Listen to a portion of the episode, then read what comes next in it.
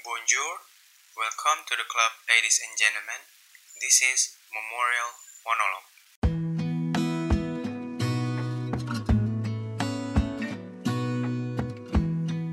Halo teman-teman, balik lagi sama aku nih di podcast Memorial Monolog.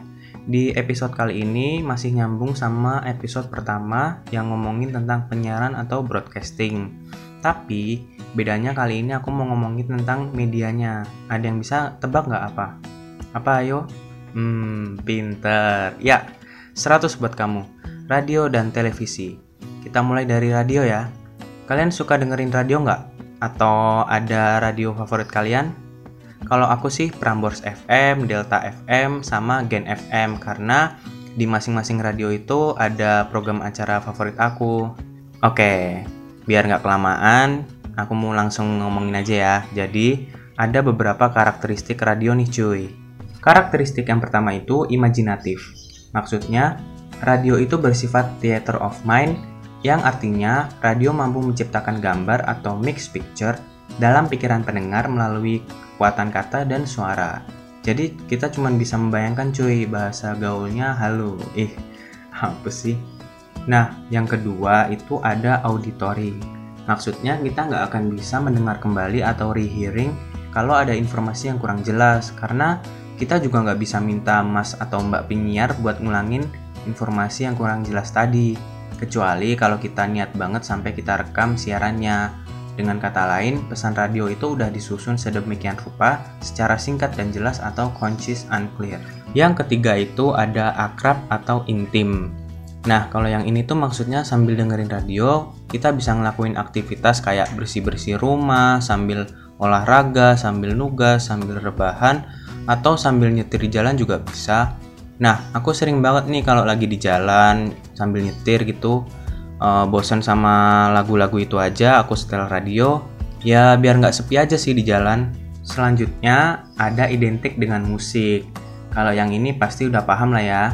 Alasanku dengerin radio ya buat dengerin musik juga sih. Ya walaupun lagu yang diputerin kadang itu-itu juga kan radio nggak cuma muterin musik ada juga informasi yang dikasih. Kadang kita juga bisa request lagu kok. Karakteristik yang terakhir itu adanya gangguan. Yang ini pasti banget sih nggak mungkin nggak. Aku jadi ngegas? Maaf maaf. Ya mungkin adanya gangguan dari teknis atau gangguan dari luar juga bisa. Nah tadi kan udah bahas radio. Sekarang kita beralih dikit yuk ke televisi. Jadi di televisi itu juga punya karakteristik sendiri guys mungkin agak mirip radio karena sama-sama broadcasting ya tapi juga ada sih bedanya nah bedanya yang dibahas Emang suka banget bahas perbedaan ya.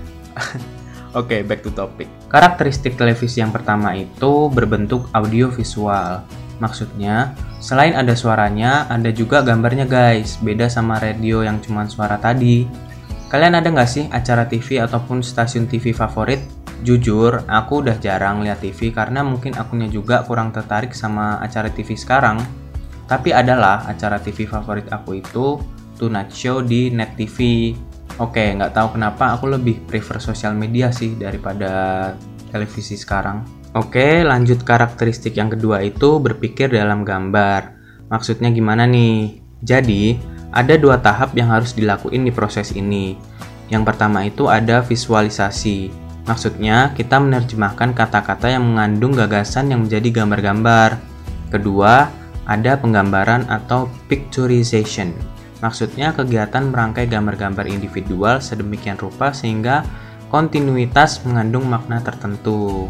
Nah, lanjut karakteristik yang terakhir itu ada pengoperasian cara kerja yang kompleks. Udah pasti cara kerja radio sama televisi itu beda banget dan lebih rumit TV. Dari segi teknis, alat-alat, konsep, visual, dan yang lainnya harus dipersiapin lebih rinci dan gak sedikit adanya kesalahan teknis waktu acara atau program TV itu berlangsung. Ya mungkin itu sedikit informasi yang bisa aku kasih. Gimana? Kalian udah ada pandangan tentang radio dan televisi? Atau masih bingung? Kalau masih bingung bisa langsung tanya ke Mbah Google ya. Nggak, nggak, nggak bercanda. Mungkin di lain kesempatan bisa aku lanjutin pembahasannya yang lebih detail lagi ya. Stay tuned on Memorial Monologue.